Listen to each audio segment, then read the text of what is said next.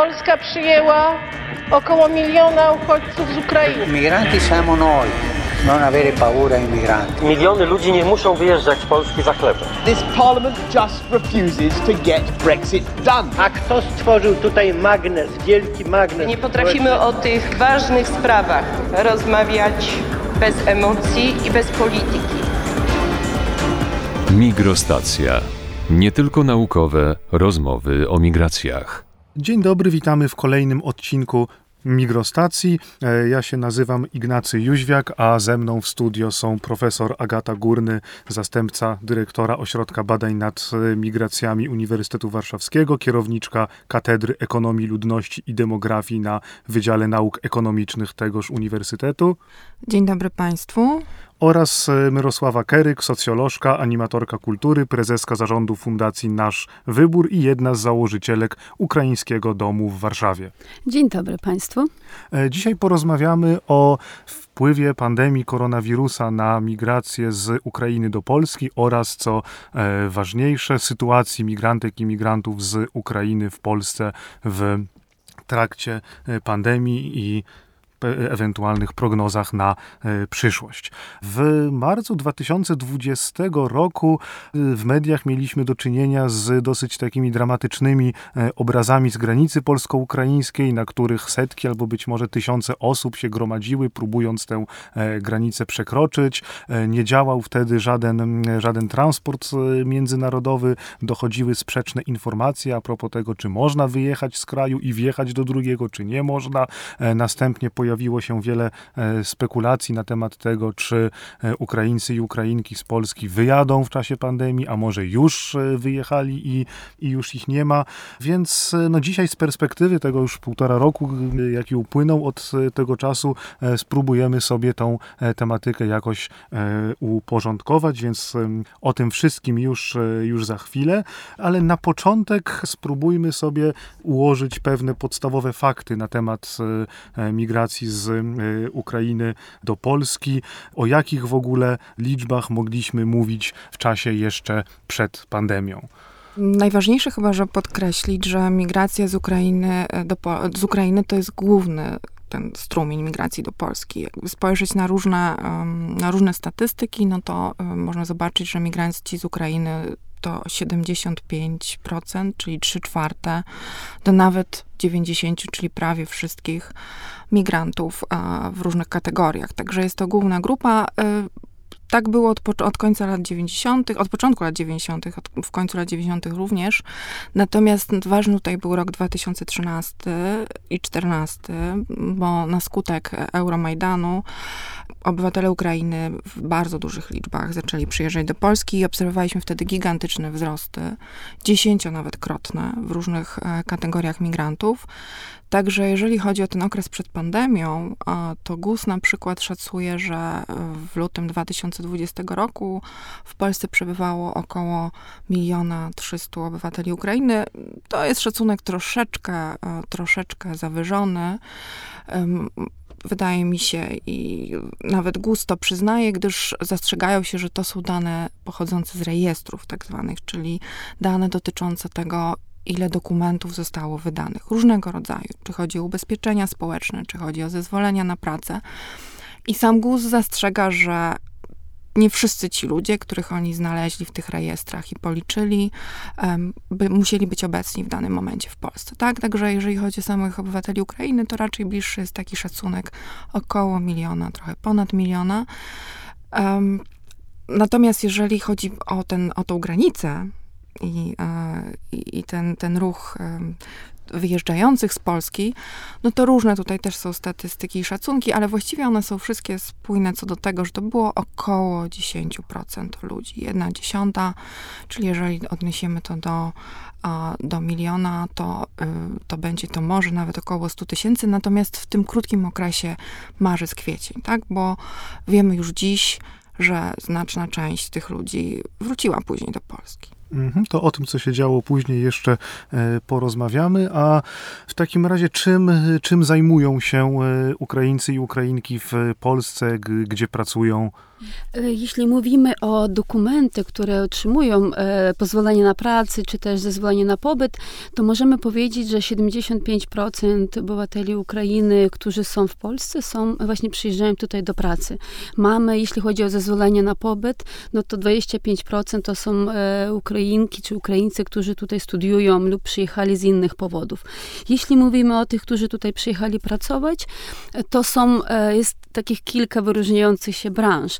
E, do pandemii i też w trakcie pandemii taką wyróżniającą się e, branżą to jest przemysł. Także te obecnie osoby, które mają oświadczenie o powierzeniu pracy, pracują właśnie w, w, branży, e, w branży przemysłowej. Inną branżą jest budownictwo, które też przed pandemią i w trakcie pandemii nie przestało działać i jakby tam też była duża liczba Ukraińców, którzy pracowali. Następną ważną branżą jest rolnictwo i właśnie w trakcie pandemii zobaczyliśmy, na ile kluczowi są migranci z Ukrainy w, w tej branży, zwłaszcza, że niektóre firmy nawet specjalnie sprowadzały pracowników z Ukrainy do e, pracy na roli.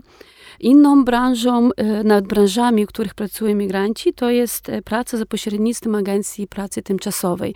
Pracują oni jak na przemyśle, tak i w rolnictwie, ale też w usługach, w hotelarstwie, w, w restauracjach. Także to jest taki szeroki zakres e, pracy migrantów. Bardzo ważną dziedziną, w której pracują migranci, jest logistyka i transport. Oni są jednym z kluczowych pracowników właśnie w tej, zwłaszcza w tej branży, która się rozwinęła w trakcie pandemii, czyli dostawy, poczty, różnego rodzaju usługi kurierskie. Także mi się wydaje, że takie, to są te główne branże, gdzie pracują. Może jeszcze warto dodać o pomocach domowych, o usługach osobistych, tak? Znaczy to jest taka branża, w której, w której pracują no, głównie kobiety z Ukrainy. Ona jest o tyle ważna, że jej znaczenie, znaczenie będzie rosło, zwłaszcza jeżeli pomyślimy o opiece nad osobami starszymi, tak? Biorąc pod uwagę starzejące się polskie społeczeństwo, to jest taka sfera usług, pomocy, tak, która będzie, będzie jeszcze ważniejsza w przyszłości a również ta branża była bardzo podatna tak, na zmiany wywołane pandemią, obostrzeniami dotyczącymi tak zwanego dystansu społecznego i e, ograniczania kontaktów, to e, do tego może jeszcze wrócimy. E, jakbyśmy jeszcze mogli na chwilę wrócić do tego marca 2020 roku i właśnie ogłoszenia stanu, stanu epidemii w Polsce. Jak zostało to przyjęte przez społeczność ukraińską w, w Polsce? tak, z jakimi reakcjami się to spotkało? No, jeśli mówimy o marcu 2020 roku, to, e, to taki marzec chaosu, e, zwłaszcza chaosu informacyjnego, z, jak i z polskiej, tak i z ukraińskiej strony.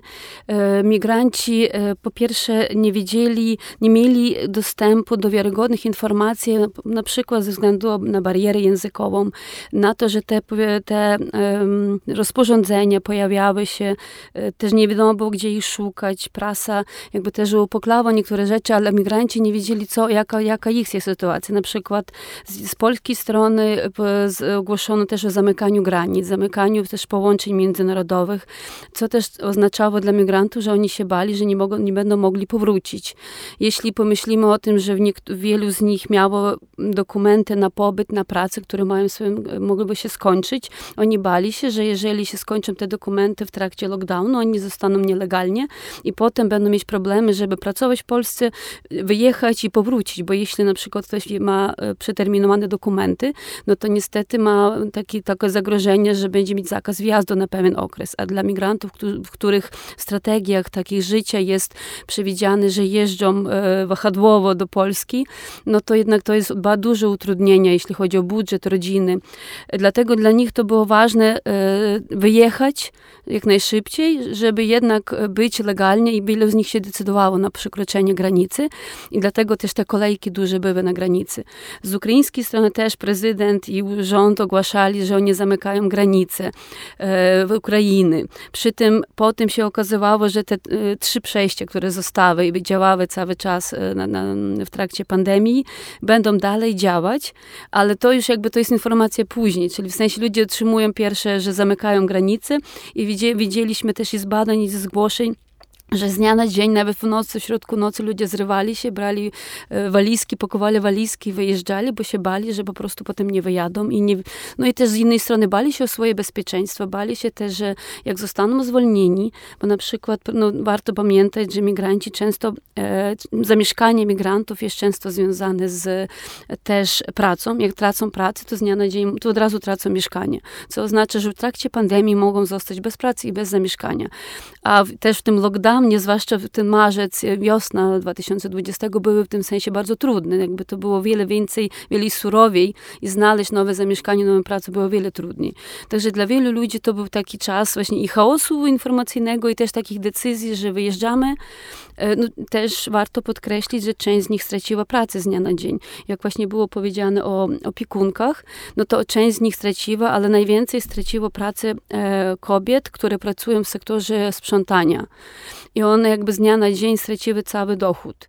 I co oznaczało, że jakby muszą opłacać mieszkanie, niektóre z nich nie, po prostu nie miały już pieniędzy na, na utrzymanie, na zapłacenie czynszu i decydowały się po prostu na wyjazd na wyjazd, który przypomnijmy był utrudniony, bo międzynarodowa komunikacja e, nie działała. E, no w międzyczasie też była dyskusja na temat e, właśnie wypowiedzi prezydenta Ukrainy Zełańskiego o zamknięciu granic i na temat jakby niekonstytucy niekonstytucjonalności tego, tego posunięcia, tak? bo generalnie żadne państwo co do zasady nie może odmówić obywatelowi czy obywatelce wjazdu, więc no jakby było, no był to faktycznie okres dużej ilości z sprzecznych, sprzecznych informacji. E, I faktycznie tak y, wiele osób wtedy straciło pracę czy mieszkanie z, z dnia na dzień, ale też o czym tu już Mira wspomniałaś, wzrosło po pewnym czasie zapotrzebowanie na pracowników logistyki, dostaw e, i magazynów czy niektórych, niektórych usług. I e, również tam bodajże w maju 2020 ówczesna wicepremier Jadwiga Emilewicz ogłosiła, że Polskę opuścił milion Ukraińców, co było przedstawione jako szansa dla Polski jakby na e, zmniejszenie bezrobocia, tak, w, rzekomo milion Ukraińców wyjechało, zwalniając miejsca e, pracy, czy też wręcz tworząc miejsca pracy dla, e, dla Polaków, więc na początku trochę tutaj mówiliśmy o, o liczbach, więc jak to, jak to rzeczywiście było w, w tym okresie z wjazdami i, i wyjazdami i czy faktycznie milion osób opuściło Polskę? E, tego miliona w żadnych danych e, chyba nie znajdziemy. Mm, natomiast no, na przykład e, GUS próbował szacować, ale tu znowu chodzi głównie o te miesiące najgorętsze, wtedy właśnie, kiedy, kiedy można mówić o pewnej panice związanej z COVID-em czyli w marcu i kwietniu 2020 roku, jest taki szacunek GUS-u mówiący, że z Polski wyjechało około 200 tysięcy osób. To jest na podstawie rejestrów Straży Granicznej, z czego większość Ukraińców, tak, ale nie tylko. Tak, także, także to jest raczej, tak jak mówiłam, szacunek bliższy 100 tysiącom niż, niż milionowi. Natomiast osobnym pytaniem jest, ile osób przyjechało. Tak? I tutaj e, oczywiście w tych dwóch gorących i trudnych dla, i dla Polaków, i dla migrantów, w tym Ukraińców, miesiącach dominował zdecydowanie odpływ z Polski, tak? E, cudzoziemców. Natomiast w kolejne miesiące przy, przyniosły tak, takie odbudowanie tej e, imigracji. E, I w roku 2020 e, wiele osób, e, wiele osób powróciło, tak? Znaczy, robiliśmy takie badanie wśród, wśród migrantów z Ukrainy w Warszawie, które sugeruje, że, że znaczna część tych ludzi, którzy byli wcześniej w Polsce, ponad połowa była na Ukrainie przed końcem 2020 roku, no ale już w momencie, kiedy ich badaliśmy, czyli pod koniec roku, byli znowu w Polsce, tak? Więc, e, więc te osoby, zwłaszcza pewnie, które były przyzwyczajone do tego jeżdżenia pomiędzy Polską a Ukrainą, czyli migracji cyrkulacyjnej, e, powróciły do tych, do, tych, do tych praktyk, na ile oczywiście pozwala na to, pozwalają na to regulacje covidowe, o czym, o czym rozumiem, że, że pewnie wiem więcej, uh, więcej później.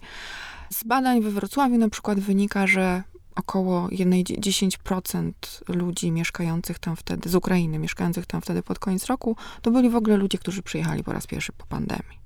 Także mamy też taką grupę, która dopiero rozpoczęła migrację e, po pandemii.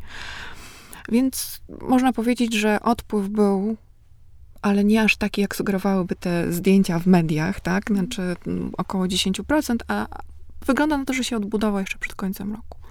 No ja akurat się zgodzę i też e, jak e, przyglądałam e, dane odnośnie wspomnianych już oświadczeń o powierzeniu pracy cudzoziemcom, to widać, zwłaszcza te porównując pierwsze półrocza 2019, 2020 i obecnego, no to widać właśnie ten spadek tak około tych 200 tysięcy tych oświadczeń i potem właśnie 2021 już my widzimy wzrost.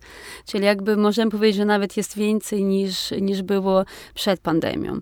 I też musimy tutaj wliczyć jeszcze e, te oświadczenia, o których pewnie powiemy, o tych e, regulacjach, że dokumenty, które są straciły, na przykład e, straciły ważność w trakcie pandemii, są automatycznie wydłużane, czyli faktycznie ludzie, którzy mają skończone, skończyły się im zezwolenie na pobyt czasowy, czy zezwolenie na pracę różnego rodzaju, de facto te dokumenty są ważne dalej, jeśli oni dalej pracują tego samego pracodawcy, czy na przykład studiują. I to było dosyć, dosyć śmiałe posunięcie, tak, ze strony, ze strony rządu Polski, które miało ułatwić sytuację tym osobom. Cały czas formalnie mamy stan epidemii, więc e, te dokumenty pobytowe, które zostały przedłużone jeszcze na wiosnę 2020 roku, wciąż są ważne, ale pod warunkiem, że e, ich posiadacze, posiadaczki nie wyjadą z Polski, tak? E, więc ten kij ma dwa końce, tak? Jak to, jak to wygląda w przypadku właśnie tych osób? No, to było, muszę podkreślić, że to było bardzo ważne posunięcie, bo zwłaszcza ten, ten pierwszy miesiąc i ten chaos był spowodowany też, że ludzie nie wiedzieli, co mają robić, w jakiej sytuacji. Jakby dla wielu Ukrainek i Ukraińców bycie, e, stracenie podstawy do, do pobytu jest, jest kluczowe, bo jednak, jak powiedziałam, to przerywa ich jakiś tam rytm, plany, plany życiowe, e, rodzinne. I dlatego też to było ważne, to ustabilizowało sytuację. Już mówimy jakby to już po wiośnie, jak po tych decyzjach sytuacja już się unormowała i ludzie czuli się już bardziej bezpieczni, niezależnie od tego, czy był lockdown, czy nie. I jeśli chodzi o, jak muszę powiedzieć, że to jest takie ważne, pokazując na ile jednak jest, są możliwości usprawnienia sytuacji legalizacyjnej, że to jest bez, bez precedentu takie, takie posunięcie, że wcześniej o takiej sytuacji nie można było mówić, że państwo przedłuża po prostu jednym, jednym rozporządzeniem, przedłuża wszystkie dokumenty pobytowe. I mi się wydaje, że to też pokazuje, taka nauczka czy pokazuje, że wiele rzeczy da się zrobić, jeśli jest decyzja, jeśli jest wola. I tutaj może, może później powiemy o różnych problemach związanych właśnie z legalizacją i jakim kluczowym problemem, jaki, jaką jest legalizacja dla cudzoziemców, to w tej sytuacji to przynajmniej jakoś ułatwiło. E, mi się wydaje, że e, to usprawnienie w dużej mierze ułatwiło sytuację dla cudzoziemców, ale są też ale, na przykład, kiedy człowiek traci pracę, no to traci podstawy do pobytu. I w sytuacji pandemii, kiedy urzędy działały, zwłaszcza na wiosnę zeszłego roku, działały dosyć powolnie, zamknęły się, niektóre nie rozpatrywały wniosków, nie, nie przyjmowały petentów. E, procedury, które były tak długie, jeszcze bardziej się wydłużyły. Stało się to bardzo trudne, żeby na przykład wyrobić nowe dokumenty. I to jest, i to był bardzo duży problem i dalej jest, bo to jakby ten urząd i tak jest zablokowany, i tak, mówię o wojewódzkich urzędach e, do, do spraw cudzoziemców, które i tak e, mają wydłużone procedury, to w czasie pandemii te procedury jeszcze bardziej się wydłużyły i niestety jakby tutaj nie było, nie, nie, nie wprowadzono jakiejś uproszczonej procedury, na przykład wydawanie zezwoleń na pracę, bo to, to jest problem, że w Polsce każda praca, cudzoziemiec na każdą pracę, na każdą, do, nawet u sam, tego samego pracodawcy powinien mieć zezwolenie. I niestety przy zmianie nawet stanowiska, trzeba wyrabiać nowe zezwolenie. Co oznacza, że jakby, e, zwłaszcza jak ktoś ma jednolite zezwolenie na pracę i pobyt, to jest taki jakby bardzo rozpowszechniony e, dokument, to niestety musi całą procedurę wszczynać od nowa. I jakby to też ta pandemia pokazała, na ile nieefektywny jest ten, ten mechanizm, który był wymyślony na początku, że to będzie ułatwienie. Tak naprawdę to jest o wiele większe utrudnienie niż e, wcześniej, jeśli by były te procedury oddzielne, bo wtedy wymieniasz tylko samo zezwolenie. I jakby tutaj jest to jeszcze bardziej, jakby pokazuje, co trzeba reformować, jak zmieniać, żeby ten system usprawnić. Myślę, że warto jeszcze dodać, że, że to, to właśnie o czym, o czym opowiadałaś, Myra, że ludzie mogli zostać w Polsce właściwie do czasu skończenia pandemii, plus 30 dni, i dokumenty pobytowe były rozszerzane, to w ogóle zaburzyło logikę funkcjonowania niektórych migrantów i migrantek, prawda? E, właśnie nagle się okazało, że to wahadło, które było przedtem taką ich ważną cały czas bardzo strategią, bo, bo, wie, bo wielu migrantów ukraińskich wciąż nie, nie decydowało się zamieszkać w Polsce, tylko jeździło pomiędzy domem na Ukrainie i, i Polską. Nagle się okazało, że oni muszą zdecydować. Jeżeli zostaną w Polsce, to mogą tu być, ale nie mogą pojechać do domu, bo jak pojadą do domu, to muszą mieć nowe dokumenty. I to jakby zupełnie przeorganizowało i zmieniło logikę migracji ukraińskich, moim zdaniem. A druga kwestia, na którą warto zwrócić uwagę, którą nie od razu może sobie e, uświadamialiśmy, to to, że jeżeli są pewne ograniczenia co do wjazdu do Polski, prawda, znaczy polegające na tym, że tylko osoby, które mają jakieś e, podstawy prawne wjazdu, czyli jadą na studia, jadą do pracy, mają tu rodzinę, etc., etc., mogą wjechać ale nie można już wjechać na paszporcie biometrycznym, co było dużym ułatwieniem e, przed pandemią. Tak wiadomo, że mamy ruch bezwizowy z Ukrainą i, e, no i ta możliwość jakby, jakby zginęła. Nie wiem, na ile ty to obserwowałaś w w swoich, wśród swoich znajomych, ale w naszych badaniach wygląda, że była część Ukraińców i Ukrainek, którzy przyjeżdżali i dopiero szukali pracy w Polsce. Przyjeżdżali bez, bez wizy, a tutaj się rozglądali i to jest zresztą dużo mniej stresujący sposób. Jedzie się, można sobie się rozejrzeć, wybrać, tak? Znaczy, jeżeli, zwłaszcza jeżeli się jedzie do kogoś znajomego, prawda? Potwierdzam, to jest jednak ten mechanizm ruchu bezwisowego był bardzo korzystny dla wielu ludzi, właśnie żeby tak się zapoznać, żeby też na przykład znaleźć bezpośrednio pracę, bo wiele osób przyjeżdża na przykład pracy za pośrednictwem agencji pracy tymczasowej, no to jakby z Ukrainy tam jakby mogą za, za pomocą tej agencji przyjechać, ale żeby mieć jakby pracę bezpośrednią, no to prościej przyjechać tutaj, rozeznać się, znaleźć pracę bezpośrednią, która zazwyczaj jest lepiej płatna, e, może być lepiej płatna, też na lepszych warunkach dla samych migrantów. No, też dodając ten, te rozerwanie, to było bardzo ważne e, dla rodzin, dlatego że na przykład, e, zwłaszcza latem, na przykład było tak, że dzieci, albo na początku wiosną e, matki czy rodzice na przykład wysyłali dzieci do swoich dziadków w czasie, żeby przetrwać tam pandemię, a potem okazało się, że w ramach tych rozporządzeń dziecko nie może wrócić, bo zazwyczaj dzieci jeździły na, w ramach ruchu bezwizowego. I żeby na przykład sprowadzać, no to trzeba było albo już zaczynać tak de facto na stałe sprowadzić to dziecko, czyli zapisać do szkoły, do przedszkola. E, także to też utrudniło funkcjonowanie naszych na przykład badaniach dotyczących kobiet migrantek w trakcie COVID-u. To były sytuacje, że właśnie kobiety wysłały po prostu nawet na krótko dzieci do, do domu i potem nie mogły je sprowadzić i to była taka długa rozłąka dla, dla nich samych i dla dzieci i dosyć traumatyczne przeżycie dla tych kobiet. Także mi się wydaje, że to jest, i to do dzisiaj działa, także warto podkreślić, że faktycznie obecnie nie można wjechać do Polski na podstawie, no, z, z przyczyn turystycznych, bo to jest e, faktycznie i tylko, tylko z podstawa pracy, właśnie studia, jeszcze są, jest też rozszerzony ten katalog, ale tym niemniej nie można po prostu wziąć paszport i przyjechać do Polski. No i możemy sobie wyobrazić, że w tym okresie tak e, lockdownów i ograniczeń również w ogóle uzyskanie takiego dokumentu, na podstawie którego można byłoby, który by uzasadniał wjazd do Polski, również było e, trudne i się, i się wydłużało. Tak? No jakby no tutaj e, te łączenie rodziny niestety jest dosyć, e, dosyć utrudnione. I, no i to też może widać taki malutki, malutkie zmiany, że właśnie dzieci są raczej już sprowadzane i też to obserwuję na różnych jakby takich grupach społecznościowych i do nas zwracają się ludzie często z pytaniami, w jaki sposób mogą sprowadzić dzieci, jak zapisać do szkoły, bo jednak no jakby jeżeli nie mogą jeździć regularnie, albo dzieci nie mogą przyjeżdżać regularnie, to niestety jakby to, to już zdecydują się na, na przyje, przywóz dziecka tutaj.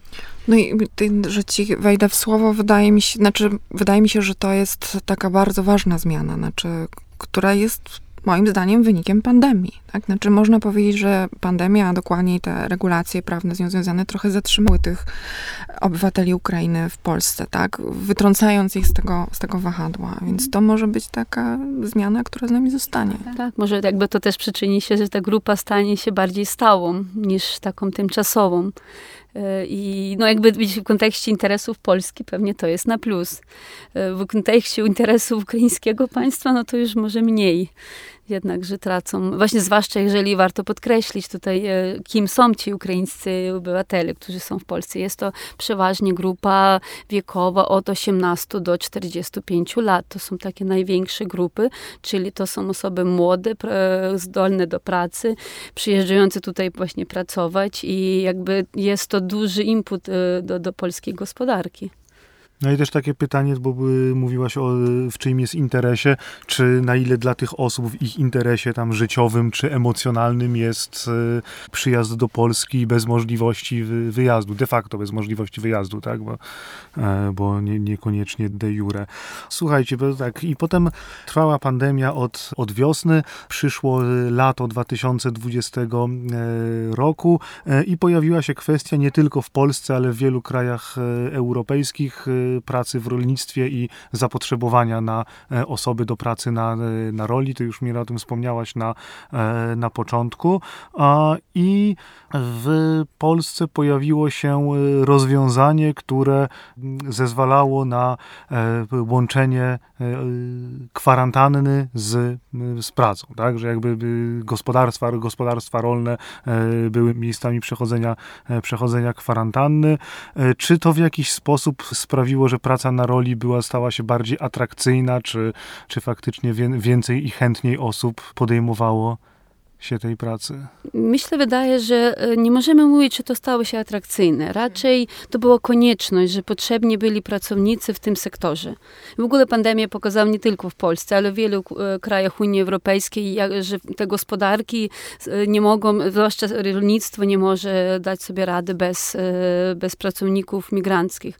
I możemy mówić wtedy o takim terminie kluczowi pracownicy, że właśnie te, ci fizyczni pracownicy są tymi kluczowymi dla naszych gospodarek. Jeśli chodzi o rolnictwo, to, to, to właśnie pracodawcy starali się sprowadzić tych swoich, bo mm, trzeba pamiętać, że wielu rolnik, rolników ma też już ustalone mechanizmy, mają nawet konkretnych pracowników, którzy przyjeżdżają regularnie do nich, mają ich sprawdzonych i oni jakby starali się właśnie sprowadzić tych swoich praktycznie, ale też oczywiście zatrudnić nowych, bo, bo trzeba było zebrać plony, zwłaszcza jak wyjechali, ci ich nie mogli przyjechać, bo trudno było dostać wizy, bo też trzeba pamiętać, że też, nie, e, też były utrudnienia w, centra, w działalności centrów wizowych, czyli otrzymanie samej wizy, nawet jeżeli się ma podstawy, czyli ma się te oświadczenie, a plony trzeba zebrać teraz, a nie za miesiąc, kiedy dostanie się wizę.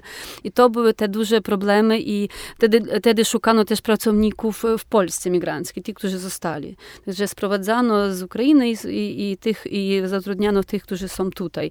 Także ja bym powiedziała, że to e, jest jakby próbowanie odtworzenia z e, tego, co było do pandemii. Ale były trudności i niektóre firmy, zwłaszcza takie agencje pośrednictwa pracy, na przykład organizowały e, czartery z Ukrainy, pracowników e, ukraińskich do Polski. Tak, to były e, czartery i negocjacje co do tych samolotów na poziomie rządowym. Tak, na tyle to, to była, była istotna sprawa. E, może warto podkreślić, że ten nacisk rolników był tak duży, że, że nawet e, zastosowano specjalne rozwiązania, takie, że jeżeli migrant pracuje w Polsce gdzieś indziej, i właśnie to, to, o czym mówiłaś, skończy mu się mm, dokument, ale, znaczy, ale, ale był właśnie w Polsce w, na początku pandemii, to może pracować w rolnictwie bez dodatkowych dokumentów. To, to wymusiło lobby, lobby, lobby rolnicze, więc to pokazuje, jak duża, duża presja tutaj, tutaj na, na pozyskanie tych pracowników jest.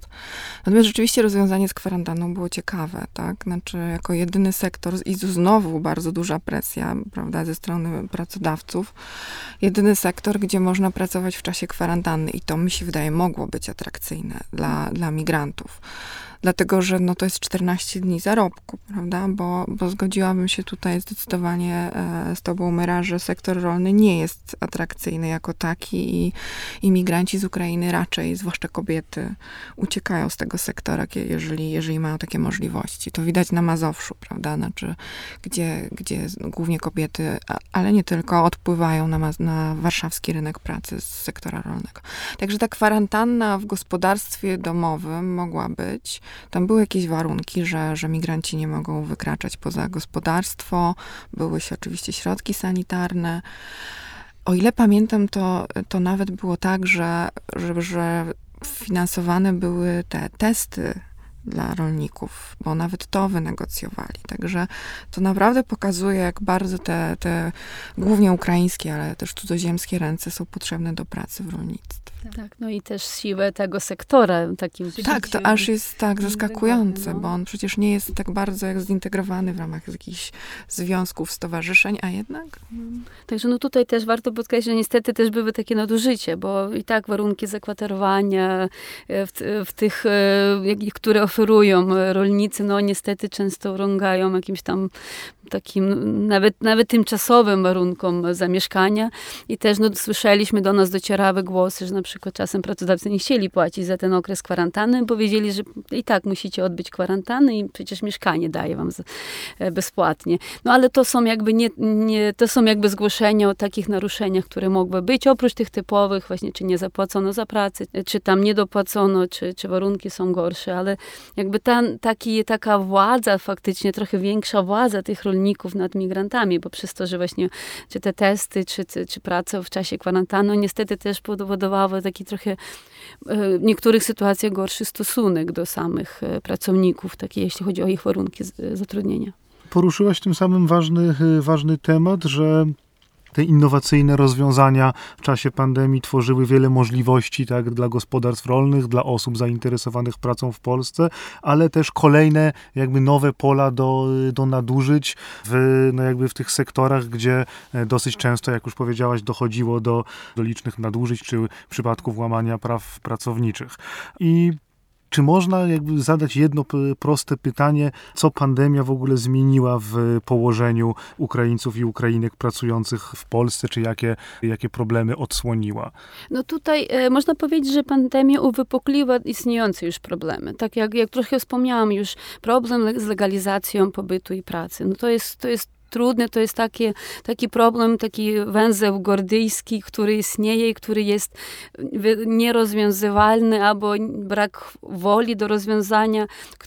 Na, na przykładzie takich zwyczajnych ludzi to oznacza, że oni są w całym ciągłym procesie legalizacyjnym. Że kończy się jeden proces, trzeba składać już nowe dokumenty i albo zmieniasz pracę, znów składasz dokumenty, znów musisz z tym urzędem bez przerwy komunikować, albo jeśli on chce się komunikować, a niestety nie chce się komunikować, komunikować i trudno w ogóle się z nim skomunikować. Tutaj mówię o tych, o zezwoleniach na pobyt i pracę, czyli urzędy wojewódzkie, bo jeśli mówimy o świadczeniach o powierzeniu pracy cudzoziemców, czyli tutaj przez urzędy pracy idzie, to jest jednak procedura szybka i w miarę sprawnie to działa, a jeśli mówimy właśnie o tych legalizacyjnych, to w trakcie pandemii te procedury się wydłużyły, niestety też pokazały jeszcze większą biurokratyzację tych procedur. Urzędy dodały nowe typy dokumentów, które migranci muszą dostarczyć. Przy tym, że to są dokumenty, na przykład trzeba dostarczyć zaświadczenie z ZUS-u, a jak mówimy o lockdownie, kiedy urzędy nie pracują i też niestykowka terminów, czyli urząd wojewódzki żąda, nie wiem, na przykład tutaj dwa tygodnie dostarczyć dokument, a, a na przykład ZUS wydaje to w miesiąc i jakby trudno dostarczyć, te terminy pogodzić. E, I, I, niestety jakby nie ma takiego też, nie było, nie widać takiego rozumienia, jak trudno to jest dla samych migrantów. Przy tym, że taki urząd wojewódzki jest państwowa instytucja, mają, i, jeśli wypracować mechanizm e, online, czy w sensie cyfrowy mechanizm, to ten urzędnik może mieć jednym kliknięciem dostęp do wszystkich danych i nie musi wysyłać migranta do urzędu podatkowego, do urzędu, e, do urzędu skarbowego, do ZUS-u, do policji. No, do, do, policji akurat na szczęście wysyłałem sami listy, ale tym niemniej to można nawet nie listem, a kliknięciem zrobić. Także niestety właśnie to jest pokazało brak cyfryzacji w tej dziedzinie. Jest jakby nawet istniejący system cyfrowy, który istnieje, nie pokazuje, nie daje niczego, oprócz tego, że sprawa jest w toku. Albo na przykład pisze, że decyzja jest podjęta, ale nie wiesz, jaka jest decyzja. Czyli i czekasz i nie możesz dostać informacji, czekasz, kiedy urząd wreszcie wyśle ci list, w którym poinformuje, jakie ty, jaką ty masz decyzję. I to jest jakby, ja może, to jest bardzo, bardzo złożony problem, który istnieje. Jakby, jak myśląc o tym, że e, rząd roz, jednym rozporządzeniem wydłuży wszystkie pobytowe dokumenty, to mi się wydaje, że tą sytuację można też jednak jak pomyśleć, bardziej e, scyfryzować ten proces, pozwolić przynajmniej na składanie dokumentów online. No to by uprościło czas oczekiwania, i nie wiem, ujednolicić system. Także jest, to jest jedna rzecz, która jakby tak pokazała, uwypukliła jeszcze bardziej e, pandemia. E, też problemy związane z zatrudnieniem cudzoziemców. Na przykład e, to, że w sektorze usług domowych, o których już mówiliśmy, przeważnie kobiety nie mają umów o pracy, nie mają w ogóle, to jest ten rynek, ten, ten sektor nie jest sformalizowany. Co się wiąże z brakiem ubezpieczenia, brakiem jakby żadnych kontraktów, nie ma podstawy do legalnego pobytu, czyli te kobiety muszą szukać jakby innego zatrudnienia jeszcze albo jednej legalnej podstawy, żeby mieć dokumenty na pobyt tutaj. Co jakby rodzi też, to jest taka stara strefa, która nie jest e, korzystna ani dla samych migrantek, ani dla polskiego rządu, dla Polski, dlatego że tutaj nie, nie są odprowadzane podatki, składki. Te kobiety właśnie jak straciły z dnia na dzień, to dostawy z niczym. Nie mieli ni e, żadnych zabezpieczeń. E, też, i, też ważne podkreślić, że migranci no, nie mogą korzystać na przykład z pomocy urzędów pracy. Na przykład, jeżeli ty nie masz e, dokumentów, już nie jesteś, nie masz statusu rezydenta krajów Unii Europejskiej lub stałego pobytu, lub kartę Polaka, tak naprawdę nie możesz skorzystać z ich oferty, czyli poszukiwaniu pracy, jakichś zabezpieczeń po bez, w sytuacji bezrobocia. E, a co jakby większość migrantów nie ma takiego statusu i to jest jakby duży problem. To, co już wcześniej też mówiłyśmy, te kwestie rodzinne bardzo ważne, to, to może już nie, nie trzeba się powtarzać, natomiast też jeszcze kwestia oczywiście dostępu do służby zdrowia. Albo może jeszcze o rynku pracy powiem chwilę najpierw, zanim służba zdrowia to jest duży temat. Ja mam takie poczucie, że, e, że przez to, że były lockdowny i rynek pracy i w ogóle ekonomia spowolniła trochę oczywiście przez pandemię, e, to migranci też mają mniejsze możliwości e, zmiany pracy na taką, która by im bardziej odpowiadała. To, co obserwowaliśmy przed, e, przed pandemią, to że, to, że migranci ukraińscy wchodzili w coraz to nowe branże, sektory, było ich coraz więcej w sektorze usług różnych, w handlu, tak, otwierały się, pracodawcy byli coraz bardziej jakby przyzwyczajeni do tego, że mają też na rynku tą alternatywę w postaci e, na ogół ukraińskiego, bo, bo, bo migrantów z Ukrainy jest najwięcej, ale cudzoziemca na rynku pracy.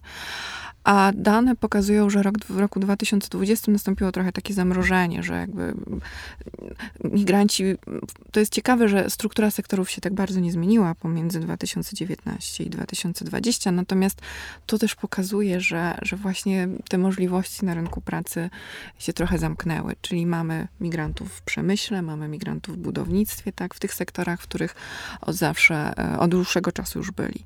Także to jest, i rzeczywiście jak e, prowadzi się badania, no to ta obawa przed utratą pracy jest jedną z takich kluczowych, która w pandemii się unaoczniła. No i w związku z tym pewnie też trzymają Ukraińcy tą pracę, którą mają, tak. Natomiast służba zdrowia, no tutaj bardzo brakuje badań na ten temat. Natomiast ja mogę sobie wyobrazić, że tam jest masę, masę kłopotów, tak? Znaczy jeden kłopot jest taki, że już przed pandemią e, były takie sygnały z badań jakościowych, że dostęp do służby zdrowia nie jest taki łatwy, dlatego że pracownicy medyczni e, nie mają takiej pełnej wiedzy na temat tego, kto ma prawo do, do, do, do, służby zdrowia. Słyszą obcy akcent, widzą obcy paszport i różne takie były historie, mimo że żona na przykład miała ubezpieczenie z tytułu ubezpieczenia męża, no to, to, to jakoś nie zawsze, nie zawsze dobrze działało na poziomie takiego rozumienia nawet obsługi, prawda? I rozumiem, że to dotyczy też i szczepień, tak? Znaczy takiej, takiej świadomości, że, że ci cudzoziemcy mogą się, mogą się u nas szczepić, natomiast też nie, nie wszędzie chyba to dobrze działa, prawda? To ty możesz mieć tutaj większą wiedzę na ten temat. No, e, uważam, że polski rząd podjął dobrą decyzję, e, na przykład w kontekście tego leczenia COVID-u, że jednak e, osoby, niezależnie od obywatelstwa, jeżeli ktoś zachoruje, zarazi się, to ma prawo na bezpłatne leczenie. I to jest kluczowe jednak, bo to też nie, nie, nie zostawiło tych migrantów na jakimś marginesie społeczeństwa. Jakby niestety to jakby informacja z tym nie zawsze docierała i no jakby te wszystkie sanepidy i inne inne e, systemy, które, gdzie można było uzyskać informacje, niestety no, były zatkane i tutaj jakby dla samych Polaków i Polek to było trudne, a tym bardziej dla migrantów i migrantek, no i dowiedzieć się w ogóle w jaki sposób, jak to działa, jaki jest mechanizm. E, zawsze, zazwyczaj migranci przez tą barierę językową mają, mają ograniczony dostęp do informacji. To tej w sytuacji pandemii, zwłaszcza na początkach, to też to jeszcze bardziej ograniczyło ich e, jakby możliwości i wiedzę.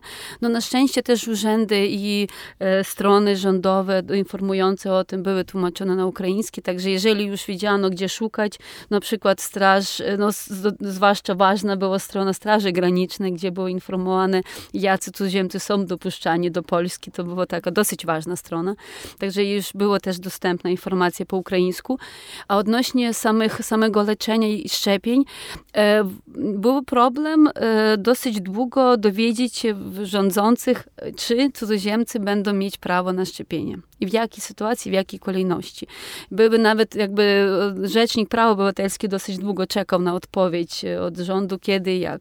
W rezultacie obecnie cudzoziemcy mogą się szczepić, chociaż są e, niektóre przychodnie boją się wydawać skierowań, bo nie wiedzą, czy po, na przykład, czy potem dostaną e, pieniądze za to, czy nie będzie powiedziane, że, że szczepią nielegalnie i te, i te i pieniądze muszą zwracać. Także jest, widzimy też taką sytuację, że niektórzy lekarze boją się wystawiać skierowania.